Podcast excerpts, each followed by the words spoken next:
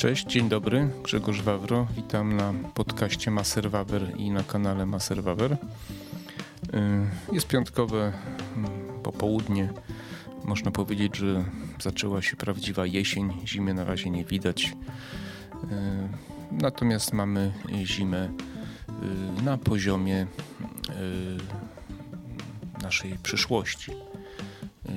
Na, na poziomie naszych portfelów też mamy zimę i, i, na poziomie zdrowego rozsądku też mamy zimę, niestety. E, do dzisiejszego odcinka skłoniła mnie mm, sytuacja, może nie sytuacja, tylko wydarzenie, o którym nie chciałem mówić, ale stwierdziłem, że jednak muszę wyrazić to, co myślę, to, co czuję, czyli ten cały szczyt klimatyczny w Glasgow, Wielkiej Brytanii. Wydawać by się mogło, że Wielka Brytania wyszła z Unii Europejskiej, więc chociaż odrobina zdrowego rozsądku powinna mm, im powrócić. Niestety tak się nie stało. Ostatnie wydarzenia, choćby z niewpuszczeniem Rafała Ziemkiewicza do, e, do, do, do Wielkiej Brytanii za poglądy polityczne, o czym też mówiłem już w jednym z moich podcastów i, i organizacja tego szczytu szalonego bezsensownego szczytu. To znaczy on ma sens z punktu widzenia największych korporacji światowych, rządów. Ma sens, no ponieważ oni w ten sposób e, uzależniają obywateli od siebie, państwa od siebie, podporządkowują sobie pod pretekstem właśnie walki o dobro, walki o klimat, z którym nic szczególnego się nie dzieje. Biorąc pod uwagę to, co się działo w historii, jesteśmy w stosunkowo spokojnym okresie klimatycznym, jak również biorąc pod uwagę temperatury, jakie panują, one nie odbiegają w żaden sposób od temperatur, które w analogicznych okresach międzylodowcowych były, a nawet jest teraz chłodniej nieco niż, niż w analogicznych okresach e, pomiędzylodowcowych poprzednich. E, propaganda jest koszmarna, przypominająca najcięższe czasy stalinowskie, komunistyczne. Mm, do propagandy przyczyniają się największe koncerny medialne tego świata. Wpływają na wybory, wpływają na mm, e, świato, to znaczy na kształtowanie poglądów ludzkich, mają narzędzia, wiedzą jak to robić, zatrudniają sztaby psychologów i nieźle im to wychodzi. Problem polega na tym, że doprowadzi nas to do e, niezbyt przyjemnego e, okresu w historii ludzkości, to znaczy e, wielkiego zubożenia społeczeństw, wielkiego terroru intelektualnego, a może nawet fizycznego, do drenowania naszych kieszeni, wysokich podatków, opłat w ochronie różnych wartości ochrony mm, przyrody, klimatu itd. Tak e, co się stało z naszego punktu widzenia w Glasgow? Nasza gwiazda, pan premier Mateusz Morawiecki, o którym mam ochotę powiedzieć to, co pewnie się domyślacie, ale wolę tego nie robić w podcaście, e, podpisał w imieniu Polski zobowiązanie, że od 2035 roku e, Polska nie będzie w Polsce nie będzie można rejestrować samochodów e, niespalinowych. E, jednocześnie, że od 2040 do 2040 roku nie będziemy używać węgla. Brawo, panie premierze. Chciałem panu zwrócić uwagę, e, że jest pan premierem Polski, opłacanym przez polskich podatników i powinien pan działać na rzecz Polski i polskich obywateli, bo wydaje mi się, że pan też jest Polakiem i pana rodzina też wychowała, urodziła się w Polsce. Pana ojciec działał w opozycji w Solidarności Walczącej. Był tam chyba szefem i dość y, charyzmatyczną i znaną postacią. A pan, panie premierze, podejmujesz czynności, które y, doprowadzą do uzależnienia nas od Niemców, od innych krajów europejskich, doprowadzą do utraty suwerenności przez Polskę, czyli utraty tego, o co pana ojciec walczył. to, kim pan jest, nie chce mi się wypowiadać, chce mi się, ale nie powiem tego głośno, ale mówiąc delikatnie, jest pan człowiekiem, którym gardzę. Gardzę, bo e, e, gardzę ludźmi, którzy nie mają kręgosłupa moralnego, są sprzedajni, są przekupni e, i zasługują na miano chyba nawet zdrajcy, bym powiedział. Tak, tak. Uważam pana za zdrajcę, panie premierze, ponieważ y, kroki, które pan podejmuje, będą miały dalekosiężne y, skutki na naszą gospodarkę, na życie nas wszystkich, y, na zamożność naszą i na właśnie suwerenność naszego kraju. I jednocześnie w żaden sposób nie przyczynią się do ochrony klimatu. E, robi pan rzeczy tak, jakby pan za to brał pieniądze. Jest pan człowiekiem zamożnym, bardzo zamożnym i chciałbym wierzyć, że pan robi to ze zwykłej głupoty, ale trudno mi w to uwierzyć, bo pan taki głupi znowu nie jest. E, więc podejrzewam, że ma pan w tym jakiś interes. Jaki? Nie mam dowodów, nie powiem, żeby ktoś mnie nie pociągnął do odpowiedzialności.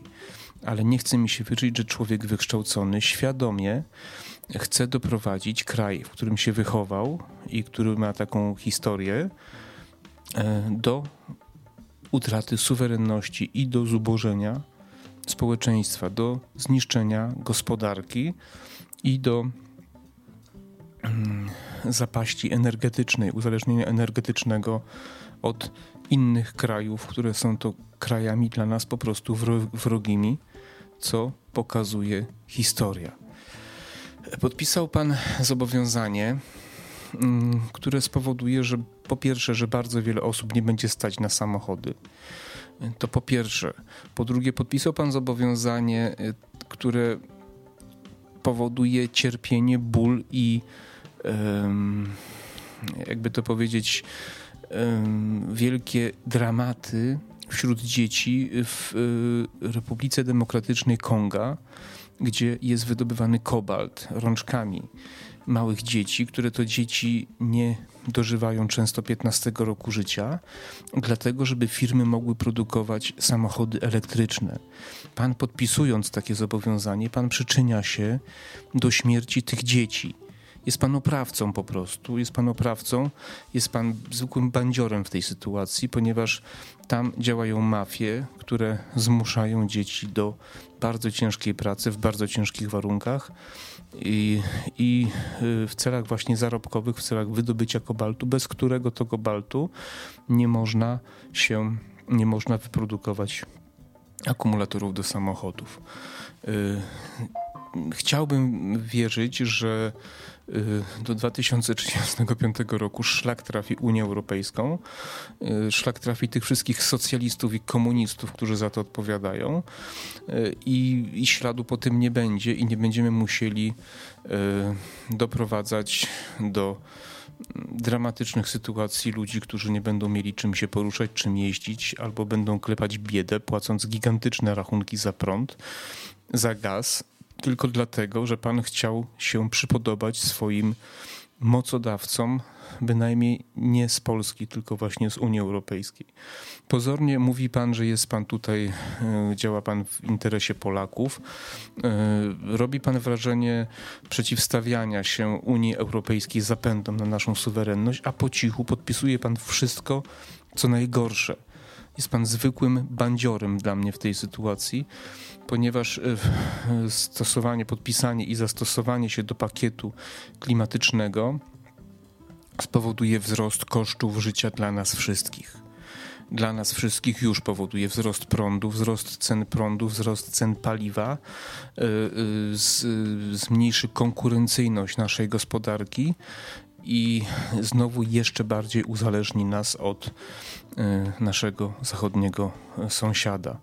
Podpisując takie umowy, powoduje pan, że coraz trudniej Polsce będzie być krajem niezależnym, suwerennym i prowadzić własną, niezależną, dobrą dla nas, dla obywateli politykę. E, tacy ludzie w historii Polski już byli. Ostatnich, których pamiętam, to była to były władze, nie władze, tylko ludzie, którzy sprzyjali Związkowi Radzieckiemu po 1945 roku, czyli, czyli Gomułka, Bierut i tym podobne kwiatki. Tak? Pan właśnie tak samo działa, tylko że w drugą stronę. Wcześniej była Targowica, tamtych powiesili.